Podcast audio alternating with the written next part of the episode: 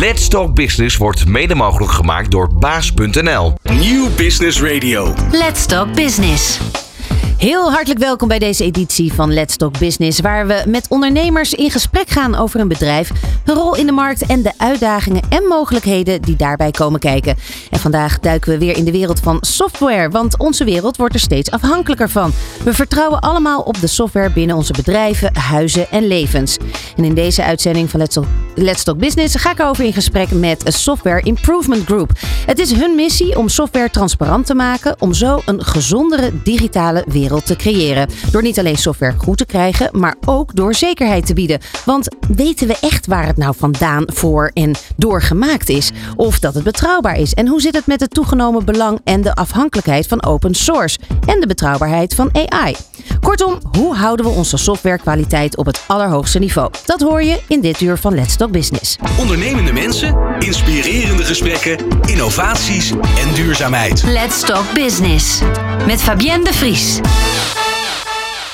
Ja, en met Software Improvement Group. Hartelijk welkom. Ik heb aangeschoven bij mij aan tafel uh, Luc Brands, de Group CEO en Chief Strategy Officer bij Software Improvement Group. Hartelijk welkom. Goedemorgen. En ook Bart Vemers, de kerstverse nieuwe CEO van SIG. Even kort gezegd. Goedemorgen. Goedemorgen. En ook Clarinda Dobbelaar is uh, bij ons vandaag um, als CMO. Ja, goedemorgen. Fijn dat jullie er alle drie zijn. Nou, we gaan het hebben natuurlijk over uh, het bedrijf, maar ook de ontwikkelingen die er binnen de branche plaatsvinden, de uitdagingen die er momenteel uh, uh, zijn. Maar laten we eerst gewoon even kennis maken met jullie.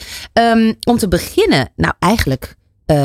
nou, laten we bij jou, Luc, beginnen. Want je, hebt eigenlijk, je zit hier vanuit twee functies, als het ware. Je ja. bent Group CEO. Dat geeft dan aan dat er naast zich nog ja. meer ja. bedrijven onder de paraplu vallen. Uh, welke zijn dat? Nou, onder andere Exin. En die zaten hier een tijdje geleden om te praten over uh, de introductie van uh, Astrid. Het, een, een, platform om je IT-skills mee te assessen. Dus daarmee hebben we ook de mensenkant. vandaag gaan we waarschijnlijk meer over de softwarekant, de technologiekant spreken. Ja. Maar ook de mensenkant kunnen we die adresseren met die, met die Exin component. Dus dat is denk ik het belangrijkste. En welke, welke, welke naam noemde jij nou net? Astrid. Astrid, ja, precies. Want we gaan het vandaag over Sigrid we hebben. gaan het vandaag over ja. Sigrid Allemaal hebben. damesnamen. Inderdaad. Nou, inderdaad. dat valt het onder, is het onderzoeken waard. En als Chief Strategy Officer hou jij je uiteraard met de strategie bezig van, van zich. Um, als je die zou moeten omschrijven, de strategie van dit bedrijf. Nou, wat we zien is dat uh, traditioneel mensen zo af en toe eens een keer een probleem hadden en dan vroegen, kunnen jullie dat voor ons oplossen? Kunnen jullie kijken waar het probleem zit? Uh, en dat is heel reactief. Uh, de strategie van de onderneming is om veel meer proactief te zijn. Om mensen in staat te stellen met dat platform Sigrid. Om te kijken waar zitten nou eigenlijk die problemen en die problemen voor te zijn. En dan in plaats van dat er ergens een ontploffing plaatsvindt, dat je het, het brandje van tevoren al, uh, ja. al oplost. Ja. Dus de, dat is in het kort gezegd de strategie. daarmee zijn we dat platform steeds sterker aan het maken en wereldwijd aan het uitrollen. Uh, en die combinatie van software en diensten, uh, software with the service zoals wij het noemen, is heel uh, relevant omdat we mensen zien die heel goed met dat platform uit de voeten kunnen. En andere mensen zeggen die hebben toch iets meer guidance nodig. Die willen onze adviezen daar ook bij hebben om daar steeds beter in te worden. Om die software goed onder controle te krijgen. Ja, ook een van de mooiere ontwikkelingen van de laatste jaren is dat het inderdaad als bedrijf je niet altijd een ander bedrijf. Ja, je hebt een ander bedrijf wel nodig, maar die begeleiding waardoor je uiteindelijk ja, het ook zelf kan. Exact. Precies. Um, hoewel je dan de updates natuurlijk wel weer van, uh, van buitenaf nodig hebt. Even, ja, want je bent ruim vijf jaar in dienst. Het bedrijf bestaat sinds ja. 2000. Uh, als je kijkt naar die strategie, daar ben jij neem ik aan al eerder mee begonnen. Um, hoe ver ben je met je plan? Uh, nou ja, dat is een heel, heel lastig te zeggen. Uh, halverwege. Ja. dus, we, zijn, we hebben nog een heel, hele wereld te winnen. Maar we, zijn, we hebben alle elementen hebben we staan. we hebben een heel mooi team. Hele mooie technologie. maar het is nog heel veel mensen die nog niet van, van Software Improvement Group afweten. En dus nee. daar zijn we onder andere vandaag mee bezig. Precies. En dat is dan ook mede jouw taak. En dan kijk ik even naar Clarinda. Want jij bent CMO. ook inmiddels ruim vier jaar aan het werk. Klopt, bij zich. Ja. Bij zich dan, ja, ja natuurlijk. Ja. um, ja, want jouw achtergrond ligt ook echt wel in, in IT ja. en technische bedrijven. Klopt. Wanneer startte dat bij jou, die interesse? Ja, dat is eigenlijk wel grappig. Ik ben, uh, uh, ik ben eigenlijk vanaf mijn allereerste stages ben ik in de, in de business-to-business software wereld terechtgekomen. Dat was destijds bij Exact Software in Delft. En uh, dat was eigenlijk puur toeval. Vond het een leuk bedrijf, zat in Delft. Daar wilde ik graag terug En je had ook in Delft uh, gestudeerd? Nee, ik heb niet in Delft gestudeerd. Ik, ik studeerde toen in Vlissingen, ja. een communicatieopleiding. Uh, maar ik kom eigenlijk oorspronkelijk uit die buurt. Dus ik wilde heel graag terug die, die kant op. En eigenlijk stom toevallig ontdekte ik exact. Ik denk, nou, dan ga ik, dan ga ik daar solliciteren. Ben ik aangenomen. En ik vond die wereld gewoon ontzettend leuk. Er is nog zoveel te doen. Toen, uh, toen zeker. Die uh, hele softwarewereld, vooral business to business, was heel erg sales georiënteerd. Dus marketing is best wel iets wat toen nog heel veel aandacht uh, nodig had. Ja, enorm. En dat sprak me heel erg aan. Gap ook ja. tussen sales en marketing. Ja, precies. En die softwarewereld die continu ontwikkelt. Dus ieder jaar uh, zijn er weer nieuwe uitdagingen. En je bent eigenlijk nooit klaar. Dus dat sprak me gewoon ontzettend aan. De jonge wereld, jonge mensen. Ja. Dus zo ben ik er eigenlijk ingerold. En, en hoe lang zit jij nu in het, in het IT-vak? Um, nou, dat is toch al, oeh, eens even denken, 25 jaar bijna. Ja. Maar dat was ook toen de tijd echt een mannenwereld. Ja, ja dat klopt. Ja. ja. Hoe heb je die ontwikkeling door de jaren heen gezien? Um, nou, ik denk dat er wel inderdaad steeds meer vrouwen inderdaad in de IT werkzaam zijn. Um, ik uh, denk dat het nog steeds wel hoofdzakelijk een mannenwereld is. Uh, maar het ligt wel een beetje aan de cultuur van het bedrijf, zeg maar, hoe ze daarmee omgaan. Ja. Het wordt natuurlijk steeds, ja, steeds meer gestimuleerd om uh, ja, gewoon een mooie spreiding in je organisatie te hebben van mannen ja. en vrouwen. En maar nationaliteiten. Ja. Merk jij bijvoorbeeld ook dat er, omdat je best ook door de jaren heen natuurlijk veel kennis hebt op, opgedaan en, en, en, en ervaring, dat er ook een soort extra respect is of zo? Dat... Ik denk wel als, dat. Als je als vrouw in de IT dan toch je mannetje weet te staan. Ja, nou, en vooral een voorbeeldfunctie ook wel voor, voor andere vrouwen die, ja, uh, die net nieuw in hun carrière bijvoorbeeld binnenkomen. Daar merk ik wel dat ze dan tegen je opkijken van hé, hey, jij loopt al heel lang in deze wereld mee. Hoe gaat dat? Ja, ja krijg en dat kan dus. over. Ja, ja, ja dat is ook heel En leuk. misschien als aanvulling uh, dat bij zich 40% vrouwen is. Dus ja, het, kijk. het is, wij zijn wat atypisch in de IT-wereld. Ja, ja, klopt. een duidelijke doelstelling dus zeker, ook geweest. Zeker, ja, mooi. Um, kom, komen we bij Bart Vemers ik zou eigenlijk een applausje even klaar moeten hebben staan. Want uh, nou ja, sinds drie maanden nieuwe CEO van het bedrijf. Gefeliciteerd. Ja, dankjewel. Hoe is de onboarding going? Ont, ontzettend leuk. Ik, uh, ik vind het een, een heerlijk bedrijf. Ik vind het uh, bijzonder gaaf om hier te mogen werken. Ik, heb, uh, ik zit al wat langer ook in de IT. Ik ben in 1990 eraan begonnen. Um, ik ben als een jurist notabene, maar begon ik als een developer bij een groot Amerikaans bedrijf met drie letters. um, daar heb ik ook 30 jaar gezeten en um, uh, ik heb daar allerlei spannende dingen gedaan in software, in dienstverlening. Ik heb internationaal ben ik actief geweest. Um, maar deze kans hier bij zich is, is een hele bijzondere. Omdat datgene wat wij doen, uh, is iets waar ik me enorm uh, mee afficheer. Graag mee afficheer. De, de waarden die we hebben als bedrijf vind ik buitengewoon uh, hoogstaand. En die zijn heel, voel ik ook, die ervaar ik ook zelf zo. Um, dus om hier aan mee te mogen doen uh, en, en die passie te delen voor uh, software engineering, hè, het ontwerpen van goede software, um, ja, die deel ik en die tref ik aan in dat bedrijf. Dus de onboarding is een, is een feestje. Ja, leuk. Als je drie, die 30 jaar teruggaat, uh, wat sprak jou toen aan in de techniek? Was dat al als jongetje leuk met knacks en nou, dat gaat inderdaad al heel ver terug. Dat ik uh, uh, zelfs een eigen Techniek, radiostation uh, ooit heb gehad. Oh? Radio Positivo. Ja. Oh, Radio Positivo. Radio wow. Positivo. Dat was naar aanleiding. Ja, het is heel opportun eigenlijk nu al veel. ja, in het nog steeds van het overlijden van Wim de Bie. Um, maar dat was ook een, naar aanleiding van de, de tegenpartij. En uh, nou, de, de positivo's in die tijd kwamen ook op. Ja. Um, en ik vond een, een, printplaat. En die printplaat bleek een, een zender te zijn. En uh, toen ben ik daar maar eens mee aan de slag gegaan. Nee. Dat was wel ingewikkeld. Want mijn vader was officier van justitie. En die vond het helemaal niks dat ik dat deed. En die dreigde ook. Veiligheid. Dat ik, nou ja, ook een misdrijf. Oh ja, misdrijf. Ja, ja, ja. dus ja, dat ja, is best een probleem. Ja, ja, ja. Um, nou, dan had ik het allemaal wel zo ingeregeld dat het inderdaad uh, niet zou storen. En, uh, maar goed, na twee maanden moest ik het ook alweer afbreken. Um, dat heb ik ook gedaan. Maar het was een bijzonder leuke tijd. En, Ja. Maar, maar die, die uh, interesse in techniek, die is dus al vanaf een klein jongetje. Uh, de, de interesse in, in uh, de IT, die ontstond in, tijdens mijn studententijd toen ik zelf een computer kocht en in de gaten kreeg dat uh, allerlei gebruikers van IT eigenlijk daar heel veel waarde uit, aan zouden kunnen ontlenen, maar het wel moeilijk vonden om ermee om te gaan. Het twee-vingersysteem. En nou, er was een huisgenoot die een eigen bedrijf had opgericht. Uh, en die zat met de, de hand allerlei uh, facturen in te typen, maar letter voor letter. En dat vond ik allemaal onhandig. Dus ik heb daar toen wat scripts voor geschreven om hem daarbij te assisteren. En toen viel voor mij het kwartje. Dit is iets, dit is een industrie die ik buitengewoon leuk vind, waar ik ook best goed in ben. Ehm, nou, nou bleek ik niet zo goed als ontwikkelaar. Dus dat heb ik maar een half jaar gedaan. Maar ik was wel goed als een projectmanager. En, en bruggen bouwen in organisaties. En dat heb ik eigenlijk mijn hele carrière gedaan. En dat is ook nu wat hier bij zich relevant is. Dus die, die passie die heb ik voor het vakgebied. Maar eh, ook hier bruggen bouwen en, en ook eh, ja, hard groeien. Ja, als we eh, ehm, inderdaad dat groeien van het bedrijf bekijken, als we teruggaan naar eh 2000, nou, het jaar 2000, ehm, is een duidelijke shift geweest van adviseursbedrijf naar, ehm, naar software with a, with a service. Eh, wat kan je daarover vertellen, Luc? Nou, als je echt heel lang teruggaat, dus eh SIG is een, eh, een afsplitsing van het Centrum voor Wiskunde en Informatica. Toen men dacht rond de millennium dat de millennium bug eh, opgelost zou kunnen worden door in code te kijken. Dus daar ontstond een, eh, een techniek om code te analyseren. En de millennium, millennium bug had, dat was, te dat was dus het overgaan naar een nieuw millennium. Daarmee zouden eigenlijk alle systemen in de wereld Precies. ongeveer op tilt kunnen slaan. Ja, en dat bleek iets minder groot probleem dan men dacht.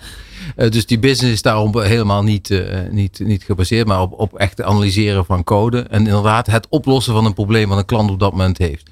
Heel projectgericht, maar altijd al met tooling. Altijd al met verzamelen van data.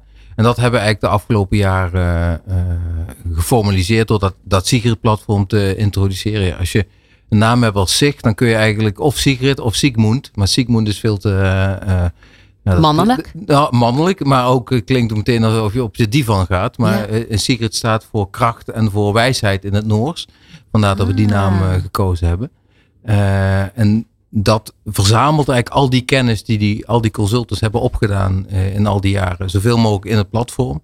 Zodat die consultants die stap daarboven kunnen zetten. Van hoe kan ik jou nou echt helpen met wat zie je hier nu? Eh, wat zou je nou moeten doen? Eh, hoe kun je nou zorgen dat dit platform goedkoper, sneller, schaalbaarder, veiliger, ehm, eh, eerlijker als het over AI gaat, wordt gemaakt. Dus Ja. dat, dat, dat, die shift zijn we, zijn we aan, aan, het- aan het maken. Maar dat gaat eigenlijk continu door. Hè. We zijn continu bezig met nieuwe ontwikkelingen op, op het gebied van cloud, op het gebied van AI. Op, eh, Ja, daar, daar gebeurt natuurlijk ook, ook een Ja. hoop.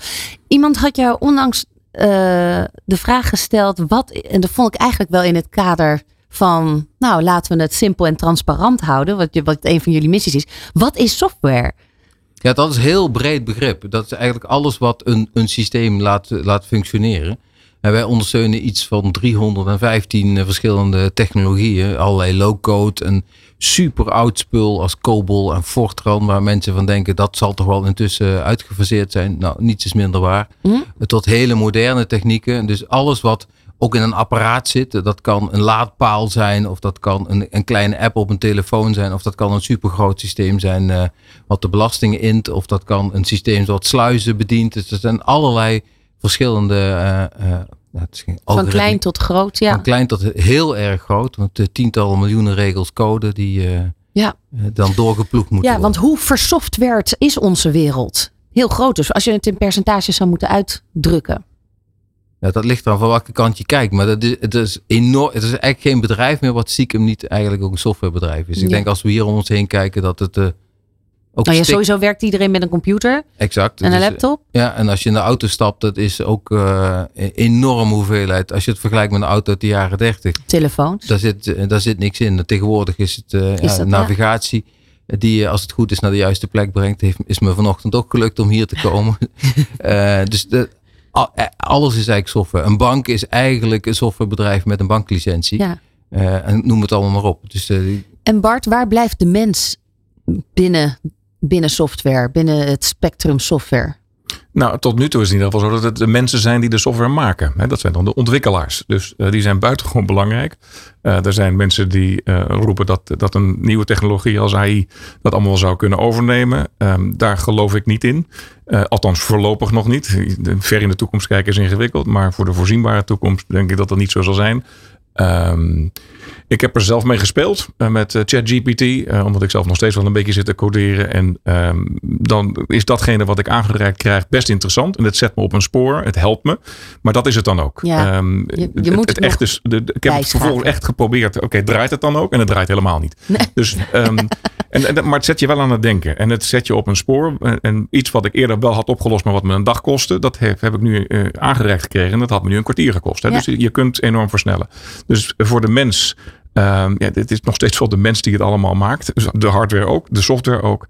eh, en die het allemaal aan elkaar breidt. Ehm, Nou, gelukkig. Uh, eventjes eh, ehm, nog de, de, ja, de fundamentele pijlers waar jullie je eigenlijk mee bezighouden. Eh Clarinda, wat, wat, wat zijn dat? fundamentele pijlers. Ja, ja waar het ons eigenlijk om gaat is inderdaad om te zorgen dat ehm, software waar wij allemaal gebruik van maken, dat je daarop kan vertrouwen. Dat is eigenlijk waar wij naar streven. Zorgen dat de software, inderdaad, je, van, je, van je bank, van je auto, dat je gewoon zeker weet dat die software betrouwbaar is, veilig is en eh, dat je daar eh, zonder twijfel inderdaad gebruik van kan maken. En ja, dat willen wij doen door middel van aan de ene kant dus het ons Sigrid platform aan, aan eh, bedrijven aan te bieden, ze te helpen hun eigen software te analyseren, te verbeteren, zorgen dat het sustainable software is, dus duurzame software, veilige software, schaalbare software afhankelijk van wat de doelstellingen zijn. En in combinatie met, die, eh, met de consultants, dus juist met name ook de, het blijft toch ook mensen werken, hè, wat Bart gaf te aan. Uiteindelijk zijn het developers die software maken. Dus zorgen dat het proces goed gaat, dat die teams goed samenwerken, dat er transparantie is van de development teams naar ook de C-level in de organisatie, dat je goed weet van elkaar waar je mee bezig bent en hoe je daarop aan kan, eh, kan sturen, zodat je dus inderdaad je, je doelstelling als organisatie kan, kan Ja. realiseren, want die worden steeds meer afhankelijk van die software. Wij gaan eh, zo verder eh, praten over onder andere jullie eh, kernprincipes, de waarden die voor jullie bedrijf geldt, maar natuurlijk ook voor de klant. Blijf luisteren. Dit is Nieuw Business Radio. Let's Talk Business. Ja, en we praten verder met eh, Software Improvement Group. group. Groove wou ik bijna zeggen. Nou ja, hè, volgens mij is er ook wel een groove bij jullie. Absoluut, absoluut. 200 mensen. eh, hoe hou je de groove gaande? Nou, dat, eh, misschien moet ik even dan naar Luc kijken. Nou, dat, dat is een hele goede vraag. Eh, onder andere door te gaan karten af en toe. Oh ja. Ondanks een blessure. Maar goed, dat is een ander verhaal. Nee, een van de dingen die ik, die ik graag aanhaal daar is dat we hebben iets, iets vrij unieks. Dat heet een 5 to 5. Dat is elke vrijdag. eh, waarbij eh, eh, iemand een half uur krijgt om vijf slides tot vijf uur. Vandaar 5 to 5 Oh, wauw. eh, te presenteren. En dat kan echt over hele diverse onderwerpen gaan. Dat, eh, we hebben 27 verschillende nationaliteiten in het bedrijf. Dus dat kan gaan over waar iemand vandaan komt. Afghanistan of Iran of eh, Portugal of eh, Oh, all goed. over the world. Of over iemand die, die over astrofotografie spreekt. Of over het bouwen van een eigen camera. Of over een heel projectmanagement, een heel inhoudelijk onderwerp. Of voor AI. Het kan over van alles gaan. Eh, en dat, dat is iets wat heel, ehm, eh, heel persoonlijk is. Eh, vaak een, een, een, levensverhaal of hoe iemand met zijn burn-out is, is, is omgegaan. Waardoor dus een heel, heel open cultuur bestaat. Maar komt, komen alle 200 mensen daar dan naartoe? Niet altijd elke, elke week, maar dat, dat is wel iets wat... een wat, hot item, Ja, ja, dat wordt absoluut eh, goed, eh, goed bekeken en beluisterd. Uiteraard tegenwoordig ook online. Ja. Vroeger was het natuurlijk alleen op kantoor, maar tegenwoordig hebben mensen over de hele wereld zitten. Dus dat is een beetje lastig. Maar het is ja, iets wat goed beluisterd wordt. Leuk, wat een goed idee. Ehm, nou, andere waarden waar, waar, ehm, eh, die voor jullie belangrijk zijn, zijn uiteraard natuurlijk integriteit en onafhankelijkheid. Hoge kwaliteit, op feiten gebaseerd, respectvol en inspirerend. Ehm, nou, laten we er eens één pakken. Inspirerend. Hoe, eh, hoe, hoe willen jullie inspirerend zijn, Clarinda? Ja, moet bij inspirerend zijn. Dat is toch wel denk ik ja, door microfoon staat uit. Nu staat hij aan. Ja, Ja. dat is denk ik toch door. eh, eh, ja, wij, wij weten gewoon ontzettend veel van software af. En hoe kan je nou inzicht geven in de kwaliteit van software? En dat begint alleen al bij, voor heel veel bedrijven is het een zwarte box. Dus uitleggen dat het helemaal geen zwarte box is. Maar dat dit iets is wat je kan meten, wat je kan doorlichten, wat je kan zien. De architectuur van software kan je gewoon zien. En op basis daarvan beslissingen nemen. Ja, dat zijn dingen. En die technologie gaat continu door. Die inzichten gaan door. Die aspecten waarop je kan meten gaan. eh, Die ontwikkeling gaat steeds maar door. Ja, ik denk dat dat ontzettend inspirerend is. Want daarmee kan je dus eh, bruggen bouwen in organisaties. Hè. Bart, jij gaf het al aan, je houdt van bruggen bouwen. Maar dat is in elke organisatie van belang. Developers en eh, bijvoorbeeld de business, die staan soms best ver van elkaar vandaan.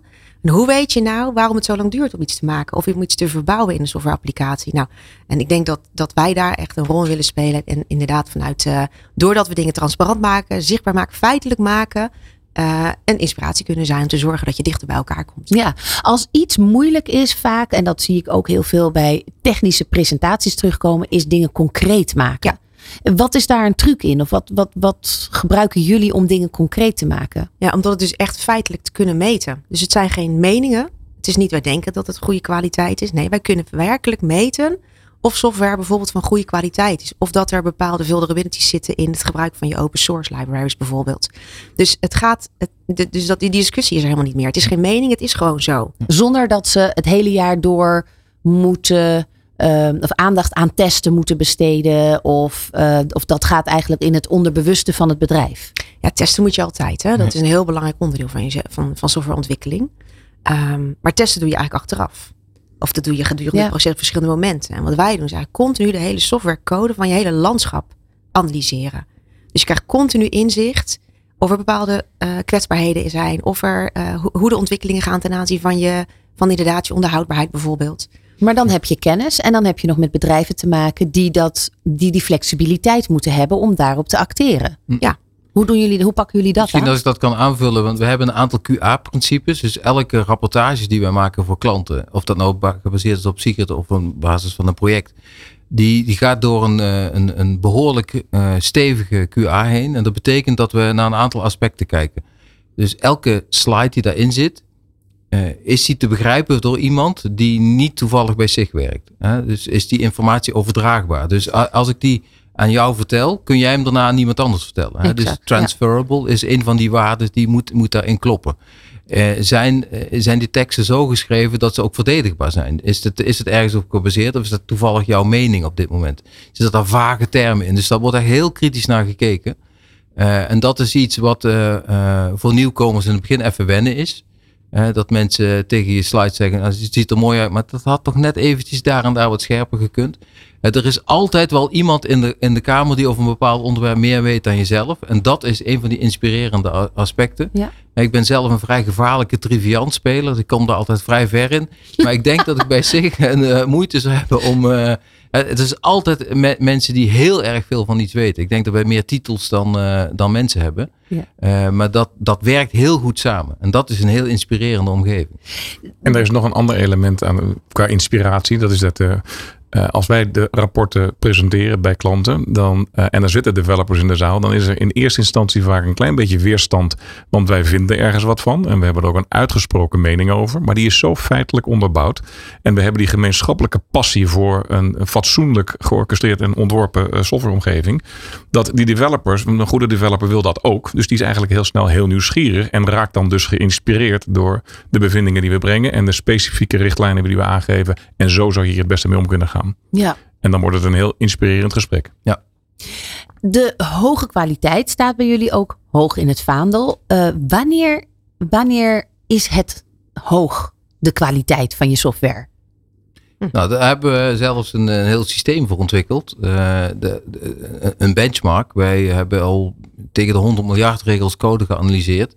Dat betekent dat we heel goed kunnen vergelijken. En elk jaar uh, kalibreren we dat opnieuw. En dan bepalen we wat is het marktgemiddelde? Wat zit er onder? Wat zit er boven? Dus wij kunnen heel, we hebben daar een sterrensysteem voor, uh, waarbij vijf sterren heel goed is en één ster niet zo heel goed. En drie sterren is marktgemiddeld. En dus uh, wij adviseren van nieuwe systemen om dat op vier sterren te ontwikkelen. Betekent niet dat als je een systeem hebt wat heel lang uh, al prima werkt, wat helemaal geen wijzigingen meer zal, zal krijgen, en misschien over een aantal jaar vervangen wordt, dat dat ook op die vier sterren moet zijn. Maar wij hebben daar een, een meetsysteem voor ontwikkeld over de jaren, wat, uh, wat dus bepaalt of iets hoge of lage bouwkwaliteit heeft. Ja. En zijn er nou um, momenteel, want we zeggen steeds de digitale wereld gaat zo, de transformatie gaat zo snel. Gaat die ook nog snel op dit moment? Ja, het gaat heel snel.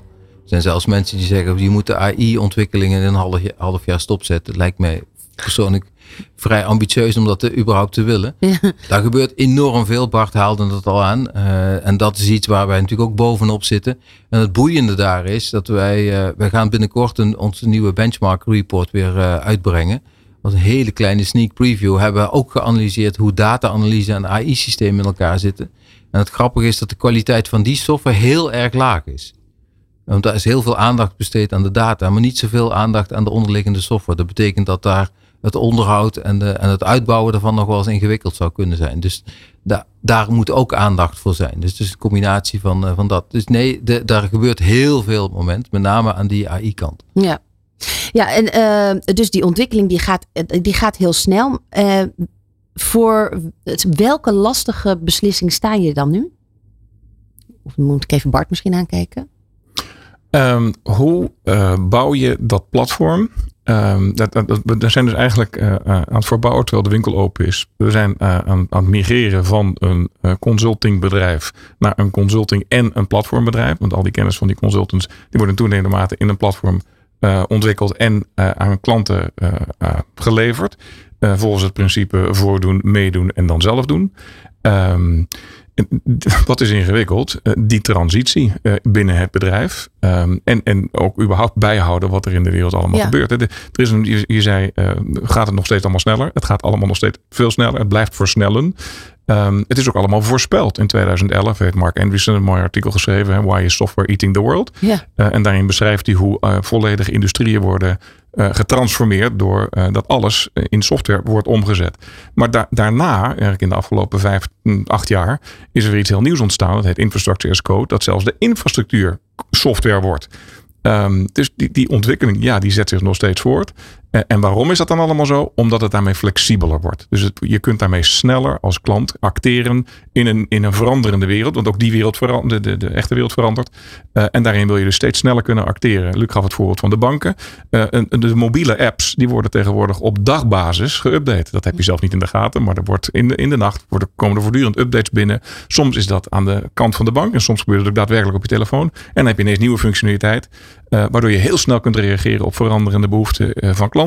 Nou, dat is de reden dat alles software wordt. Uh, maar daarmee is de, de kans dat er fouten worden geïntroduceerd ook groter. En daar, heb je dan, daar kunnen wij bij helpen. Ja, ja exact. Want je hebt de kans dat er fouten gerealiseerd worden of er komen, steken worden laten vallen.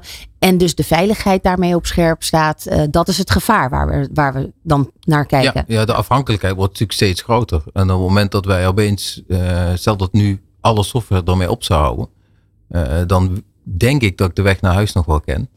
uh, maar als ik zou moeten tanken onderweg, dan gaat dat waarschijnlijk niet, want dan zijn de kassensystemen liggen eruit. Dus dan hoop ik dat ik voldoende elektriciteit of brandstof aan boord heb. Dus de, de afhankelijkheid wordt zo groot dat het steeds noodzakelijker wordt om daar heel goed naar te kijken. we, we hebben, misschien kun jij iets vertellen over wat we voor Rijkswaterstaat ja. doen. Dat hebben we ook. Ja, ja, dat vind ik altijd een mooi verhaal als mensen aan mij vragen: van, wat doe je precies? Ik, ik kom uit Zeeland. Daar is water, hè, duidelijk. Daar hebben we genoeg uh, tegen gevochten. En um, ja, ik vind het gewoon een ontzettend prettig idee dat uh, de dijken die worden, die worden ook bewaakt met software. Om te kijken hoe, hè, hoe hoog het water is, ja. hoe hard het er doorheen stroomt, wat dan ook. Hè, bij bijvoorbeeld de Oosterscheldekering. En wij bewaken dus de kwaliteit van die software. En dat is natuurlijk ontzettend belangrijk, want je wil niet weten dat, dat het zou toch mogelijk uh, ja, idee dat alleen dat daar ja. iets mis mee zou kunnen dat gaan. Dat is natuurlijk vreselijk. Ja, dat daar of, of, een hek of wat dan ook. Hetzelfde geldt voor, uh, voor bruggen en voor, uh, voor tunnels. Maar wat een spannende verantwoordelijkheid lijkt me dat dan. Ja, nou ja, wij zijn verantwoordelijk voor hè, dat de kwaliteit van de software goed is. Niet voor de functionele kant, wil ik wel even expliciet bij. Ja, oké. Okay. maar zorgen dat het dus makkelijk aanpasbaar is, dat het veilig is. Ja, dat hoort er wel degelijk bij. Dus Rijkswaterstaat vind ik een heel prettig idee. Die zorgen ervoor dat bepaalde kritische systemen gecertificeerd zijn voor een bepaalde kwaliteit. Ja. En die streven ernaar dat al hun applicaties inderdaad in de sterren, vier sterren uh, zijn. Nog even terug naar die, naar die snelle ontwikkeling. En inderdaad, uh, dat, dat de software is eating uh, the economy of the world.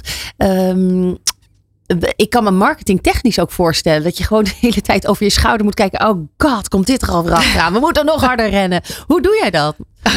Nou, is, ja, goed. Software is altijd wel heel snel in ontwikkeling geweest. Dus je moet kijken. Dus hoe eigenlijk... acteer je daar vanuit de marketingpositie uh, uh, op als bedrijf? Ik weet niet of dat iedere keer zo anders is, eerlijk gezegd. Het zijn iedere keer nieuwe technologieën, maar het probleem is niet heel anders. Het, dingen worden geautomatiseerd, gedigitaliseerd. Het moet veilig zijn.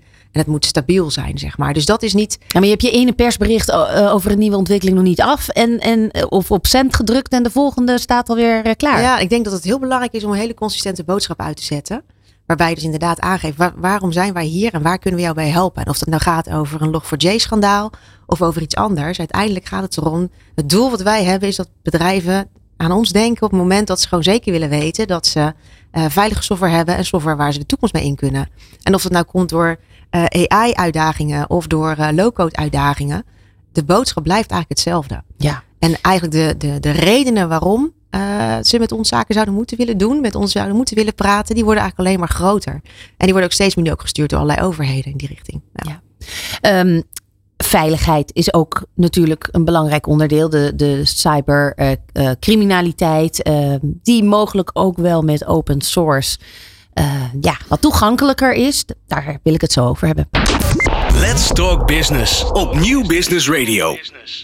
Ja, in gesprek zijn we uh, nog steeds met de Software Improvement Group um, over hun bedrijf uiteraard, uh, over Sigrid. Misschien nog wel even goed om te zeggen van Sigrid staat voor Bart? Sigrid staat voor een platform waarin de kennis die we over de afgelopen 20 jaar, ruim 20 jaar, um, hebben verzameld, gecreëerd, um, aangeboden kan worden aan een steeds grotere groep klanten, waardoor zij zelf kunnen doen wat wij daarvoor allemaal deden en waardoor wij Um, in plaats van alleen maar het, de bevindingen te rapporteren en daarover ook echt te kunnen adviseren over wat je daar het beste mee zou kunnen doen. We gaan dat niet uitvoeren voor je, maar we gaan je wel echt proactief adviseren over hoe dat in jouw organisatie het beste zou kunnen worden aangepakt. En daarmee dus ook software als een service. En dat is dus een platform en dat noemen wij dan software with a service. With, with a service, ja. ja. Um, en en is, gaat dat dan op abonnementsvorm? Dat is op abonnementsbasis. Uh, je betaalt het per maand. Uh, en daarvoor krijg je niet alleen maar dat platform, maar daar krijg je wel degelijk ook allerlei diensten omheen. Uh, die je helpen bij het um, gebruiken ervan. Um, daar de waarde uit te halen. Um, en daarnaast zijn er specifieke diensten die we aanbieden. Um, om bijvoorbeeld een, een, due diligence te doen. Jij gaat, staat op het punt om een ander bedrijf over te nemen. En uh, je wil graag weten of die software die daar in dat bedrijf allemaal gebruikt wordt, of dat wel gaat passen bij datgene wat je bijvoorbeeld al in huis hebt. Of dat daar enorme kosten aan verbonden gaan zijn, omdat je, dat het niet meer erg, uh, heel erg van deze tijd is. En dan zou je daar wel graag een inzicht in willen hebben. Wij kunnen je dat inzicht geven. Dus daar, dus daar begint het, of tenminste, dat is een optie. Hè, dat je dus een ander bedrijf over wil ne uh, nemen en dat, dat, dat nou ja, de due diligence, due diligence wat ja. jij net uitlegt. Wat, wat zou nog meer redenen zijn om uh, Sigrid als uh, software as a service, with a service te installeren of daarmee aan de slag te gaan? Nou, er zijn een heleboel redenen. Het kan zijn dat de kosten uit de pan lopen. Het kan zijn dat je echt veilig wil zijn. Dat je software hebt die, die heel secure moet zijn. Het kan zijn dat je een, een strategie hebt om alles naar de cloud te brengen. Maar dan heb je hele oude software die omgebouwd moet worden. Of je wil alles naar bijvoorbeeld naar Azure brengen. Maar je hebt een aantal dingen die zijn afhankelijk van Amazon. Dus wij kunnen uh, in die software zien of waar die afhankelijkheden zitten. Uh, en wat je zou moeten doen om dat, uh, om dat te voorkomen. Dat overigens ook in due diligence. Als je een bedrijf overneemt, dan past dat in mijn infrastructuur. Uh, het kan zijn dat je hele oude spullenboel hebt in 30 jaar, 40 jaar oude COBOL-code. Je denkt, ja, daar moet ik nu toch wel een keer vanaf. Mijn hele bedrijf hangt er vanaf. en nu? Hè, dat is dan de vraag. Ja. Hoe ga ik dat moderniseren? De, al dat soort vragen die, die met, met technologie te maken hebben, die kunnen wij aanpakken. Ja, ook best wel een discussiepunt volgens mij in het hele digitale spectrum is die open source. Ja. misschien even plat uitleggen wat het is? Bart? Nou, nou, open source is natuurlijk al een tijdje onder ons, hè, zeker een jaar of twintig. Um, en het is een buitengewoon uh, belangrijk fenomeen uh, waar ook grote bedrijven heel graag gebruik van maken. Um, het wordt typisch ontwikkeld door grotere groepen gebruikers die daar vrijwillig een bijdrage aan leveren. En je mag dat dan hergebruiken als je daar maar melding van maakt, et cetera.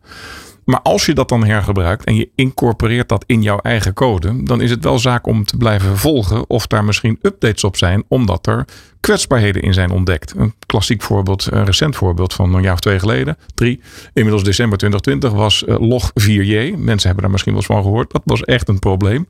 Um, wat? wat al wat het probleem is? Het is, het is een, een stuk software wat uh, voor jou uh, logging doet. Dus het schrijft regels weg over, tijdens de uitvoering van de code.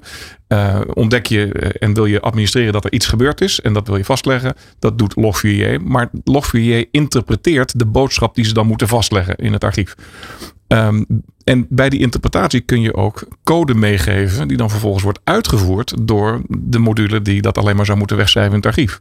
Bijvoorbeeld, doe mij eens even het hele klantenbestand. En dan zou het mogelijk zijn, en het is ook mogelijk geweest, om die software die dat helemaal niet bedoeld had te doen, ineens dingen ging doen uh, waarvan ze dat zelf nooit bedacht hadden. Nou, dat, wat, dan, wat dan nodig is, is dat je gaat onderzoeken waar zit dat allemaal in mijn infrastructuur.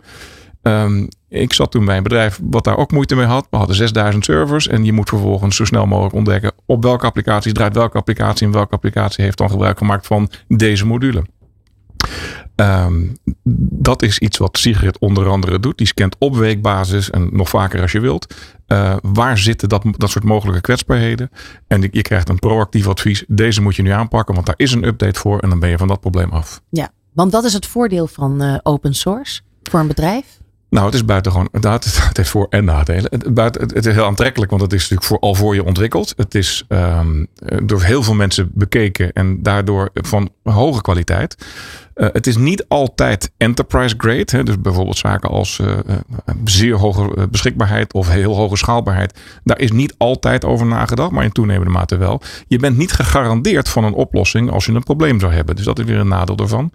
Maar het is heel aantrekkelijk en het is zeer wijdverbreid. Hè? wijdverbreid. Elk, elke grote onderneming maakt gebruik, of ze nou weet of niet, van open source. Developers maken er graag gebruik van. Die hele library wordt ingelezen en vervolgens in de code meegenomen. Ja, doe mij een beetje denken aan Wikipedia. Dat is ook, daar, daar, daar kunnen waarheden staan, maar... Ja er mist wel eens wat informatie. Als je dan hè, naar iemand zijn eigen website gaat, dan mis je een heel stuk van de laatste ja. update. Of uh, nou ja, er staan onwaarheden in. Dan nee. moet je toch naar LinkedIn om iemand gewoon die dat zelf heeft ingevuld te, te verifiëren. Kan ik het daar, kan, kunnen we daar een parallel daar, trekken? Daar zeker uh, absoluut parallellen. Want dat is ook een open source ding. Dat kan iedereen uh, aanvullen. Daar kan dus ook iets fouts op staan. Als het goed is, wordt dat snel gecorrigeerd. Uh, de uitdaging is, er zijn schattingen dat ongeveer 80% van alle code in productie, dat dat open source is. Omdat het gewoon zo laagdrempelig is. Mm -hmm. Uh, maar wat wij gezien hebben in ons onderzoek, wat we uh, ook dit jaar weer gaan, gaan herhalen, is dat het updaten van die open source, waar als er een probleem in zit, is niet iets wat de dag daarna gebeurt. Dat is soms wel de dag daarna, maar meestal is het een maand, een jaar of zelfs vijf jaar daarna. Zelfs als het hele ernstige problemen zijn. En dat is omdat de, de zichtbaarheid van die problemen gewoon niet groot is. Hè. Management heeft dat niet in de gaten. Uh, en dat wordt vaak meegenomen als er een keer een update is. En er zijn ook situaties geweest dat er een open source systeem eigenlijk ontwikkeld wordt, stiekem door één persoon. En die zegt op een gegeven moment, ja, ik trek dit terug. En vervolgens is dat iets wat over de hele wereld oh, gebruikt wordt. En dan zegt hij, oh, oh, oh. Uh, en nu? Ja. Uh, nu, krijg je, nu, nu, heb ik een probleem. En dat, dus die afhankelijkheid is goed om te weten. en dan heb je ook nog. Maar dat dat dan kan bestaan, dat is dan toch een risico wat je als bedrijf niet, ja, misschien in de kinderschoenen, maar op een gegeven moment toch niet meer neemt.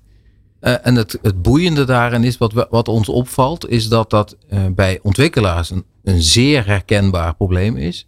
Uh, en naarmate je hoger in de, in, in de organisatie komt, is dat probleem steeds abstracter en daarmee op een gegeven moment weg. Ja. Uh, en uh, wij proberen dat zichtbaar te maken. En mm. zeker ook in de due diligence laten we altijd zien waar die kwetsbaarheden zitten. En dat kan ook gaan over legal risico's. Hè. Dus er zijn bepaalde open source componenten die je mag gebruiken als jouw eigen software ook open source is. Mm. Maar op het moment dat jij commerciële software aan het verkopen bent voor veel geld en je hebt zoiets gebruikt, dan betekent het eigenlijk, ja, dit, die software kun je geen geld voor vragen, want die is open source. Open source ja. Nou, dat, dat soort dingen vinden we, uh, vinden we wel. Uh, en, en, dat is dan interessant. dat is vaak ook goed op te lossen hoor. Maar het is wel iets om, uh, om aandacht voor te hebben. Ja. En, meer dan vandaag. De Europese Cyber Re Resilience Act kijk ik even naar jou, Carina. Uh, de, de US National Cybersecurity Strategy, Strategy, dat is wat jullie uh, volgen. Ja. Kan ik het zo zeggen? Ja. Wat houdt dat precies in? Ja, je ziet dat overheden uh, steeds meer zekerheid willen, eigenlijk willen gaan afdwingen bij softwareleveranciers. Dat de software die zij aan, nou initieel de overheden zelf leveren, dat daar dus inderdaad bijvoorbeeld geen open source vulnerabilities in zitten. Mm -hmm. En deze acts die gaan eigenlijk veel meer over het uh, aansprakelijk stellen van softwareleveranciers. En het dus ook het uitdelen van boetes op het moment dat er iets gebeurt. Ja, dus nou, dit is de, de, de, de, grote, poli de grote politiebond dan, ja. zeg maar. Ja. Over waar we het net over hebben. Ja. Ja, in Amerika heb je zoiets als uh, de Software Bill of Materials. En dan moet je eigenlijk, als je aan een overheidsorganisatie software levert, moet je kunnen aanleveren van deze open source libraries maak ik van gebruik. En um, daar zitten geen vulnerabilities op, ze zijn in ieder geval up-to-date. Ja. Ja, dus dat soort zaken worden door de, door de overheid geregeld. waar wij zelf als zich uh, wel een mening over hebben, is: is dat de beste manier om boetes uit te gaan delen? Want het is vrij moeilijk om software te maken die 100% secure is. Het gaat er veel meer om van uh, hoe uh, heb je je proces ingericht? Hoe zorg je dat je zo, zo secuur mogelijk die software ontwikkelt? Dus je duty of care, zeg maar, daar willen wij eigenlijk veel meer aandacht voor, uh, voor vragen. Voor care? Ja, dus dat je dus inderdaad de verantwoordelijkheid neemt om te zorgen dat je deugdelijke software maakt. En ja, dat je dus, dus eerder een beloningssysteem dan? Nou, bij wijze van spreken wel ja. Dat je laat zien door certificering dat je aan een bepaalde manier van werken voldoet. En dus uh, verantwoordelijkheid op je neemt. Ja, want dit heeft natuurlijk dan ook weer effect op de rol van de developer in, in dit geval. Bij, ja. ja, kijk, software, het is niet zoals een APK-keuring, zeg maar, dat je makkelijk, hè, auto, die doe je open. Wordt ook wel steeds moeilijker met software overigens, maar hè, dat is vrij recht toe, recht aan. Software is ontzettend complex. Mm -hmm. Dus het afhankelijk voor wie je het hebt ontwikkeld, daar zitten nogal wat uh, ja, haken en ogen aan, zeg maar. Dus het is niet zo makkelijk met één uh, certificering of één uh, richtlijn af te dekken. Dus je zal met elkaar in gesprek moeten als leverancier en als klant. Van waar wordt dit voor gebruikt? Hoe gaan we het ontwikkelen? Wat voor eisen stellen we eraan? En, en dat is dus meer dat proces wat je moet begeleiden om te zorgen dat je deugdelijke, secure, onderhoudbare software maakt. Ja. Als we sowieso eens naar de rol van de developer kijken, ook met dat hele chat, uh, of dat, dat uh, GT-chat. Chat GPT. Ja. ja. Um. Wat, wat, uh, hoe zien jullie die ontwikkelingen? Nou ja, voor de developer ook dan, hè? Ik denk dat er zijn steeds meer tools. ChatGPT is een voorbeeld, maar er zijn vele andere. En het is nu enorm de ontwikkeling. En wat je ziet is dat uh, heel veel ontwikkelaars er al gebruik van maken. Om hun, hun code te stroomlijnen. Het is een illusie om te denken dat je daar kunt zeggen, doe mij. Ja, dat is een voorbeeldje waar mensen zeggen, ik, dit is een, een pagina die ik even getekend heb. En dan maak mij hier een website van met deze achtergrond. Maar dat is heel simpel. Dat is, dat is de stap nog te groot. Ja, voor. maar op het moment dat je zegt, ik wil um, een, een systeem hebben wat het audio een systeem van mijn auto gaat, uh, gaat, gaat bouwen. En dat moet die en die functies hebben. Nou, dat is wel even nog een slagje, een orde complexer. Uh, maar daar gaan we wel naartoe. Uh, dus uh, het is wel zo. Hoe dat... echt blijft de wereld dan nog als dit allemaal dus gefabri gefabriceerd En dat wordt? vraag je in een radio. nou ja, dit zijn. we zijn echt aan het praten. Ja, absoluut, er zitten hier echte dat, mensen. Dat, dat, dat, die, dat, ja, ja, die illusie bekken we nu nog. Inderdaad, inderdaad, inderdaad. Nee, dit, hoe echt is de wereld? De wereld is natuurlijk, er is een, een, een echte component. En ook ChatGPT is echt. Maar we moeten niet uh, verwarren dat dat intelligentie is. Hè. Op het moment dat ik uh, uh, invoer van schrijven ze een verhaaltje over Luc Brands, wat ik natuurlijk gedaan heb om te kijken wat daaruit komt, dan komen de meest grappige en onzinnige dingen uit. Ik ben tig jaar de CEO van Fox IT geweest. Nou, niet, maar dat, dat wel voor een ChatGPT. Ja. En dat komt omdat het een, een statistisch model is die de, de, de waarschijnlijkheid van het volgende woord bepaalt.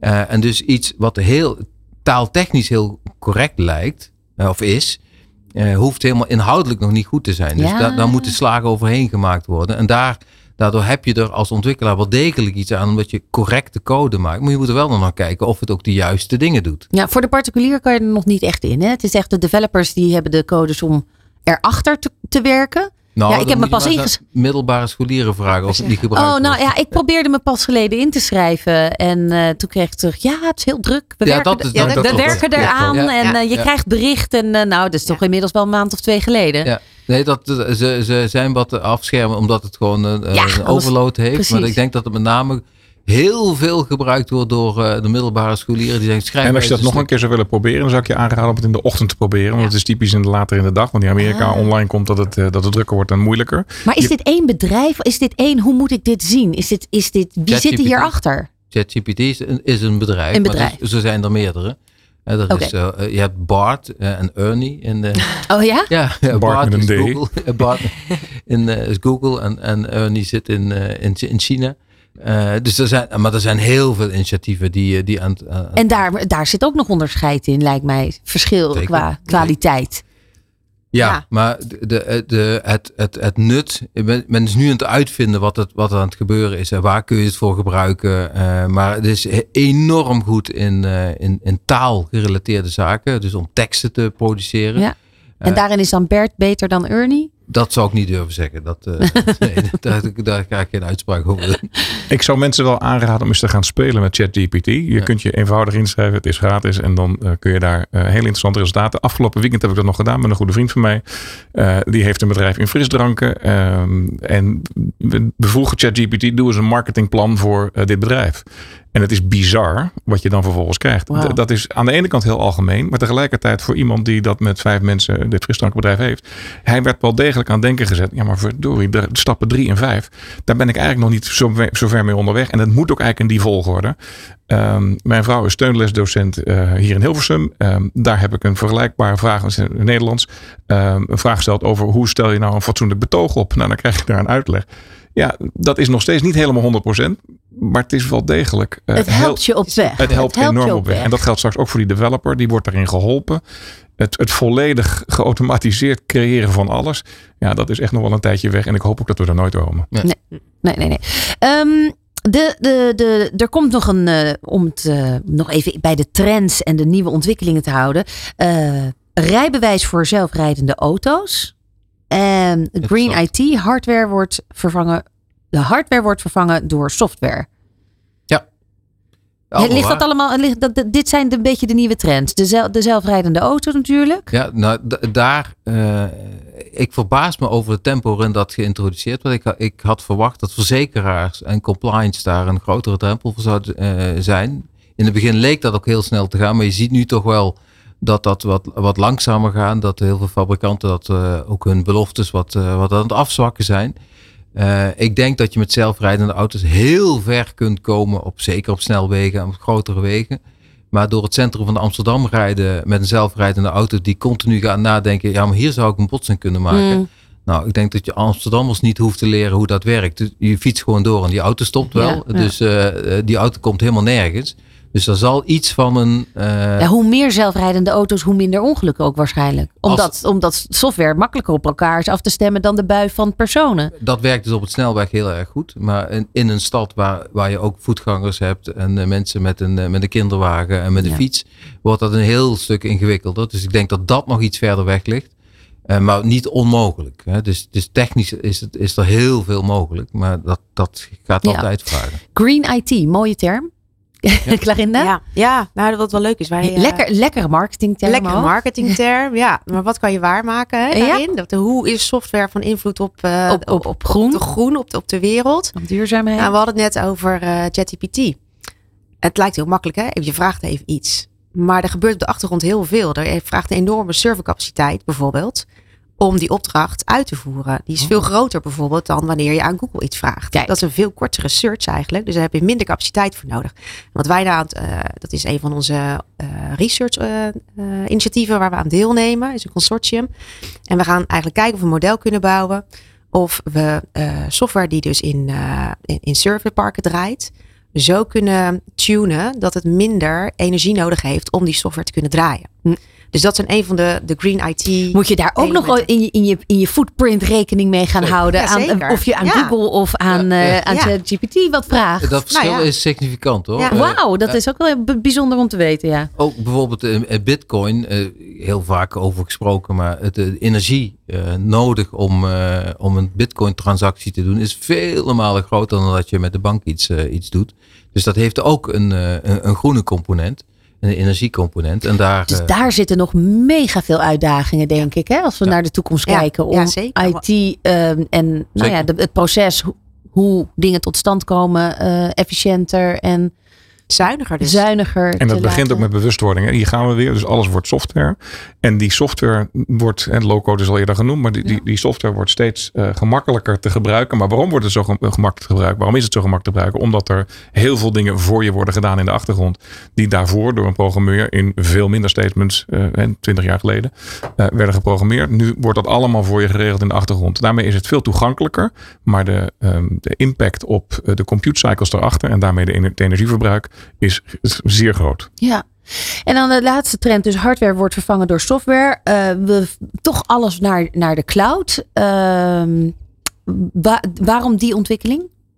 Daar zit heel veel flexibiliteit. Hè? Je hebt, als je vroeger een server ergens had staan en die stond er uh, s'nachts ook en die stond er in het weekend ook.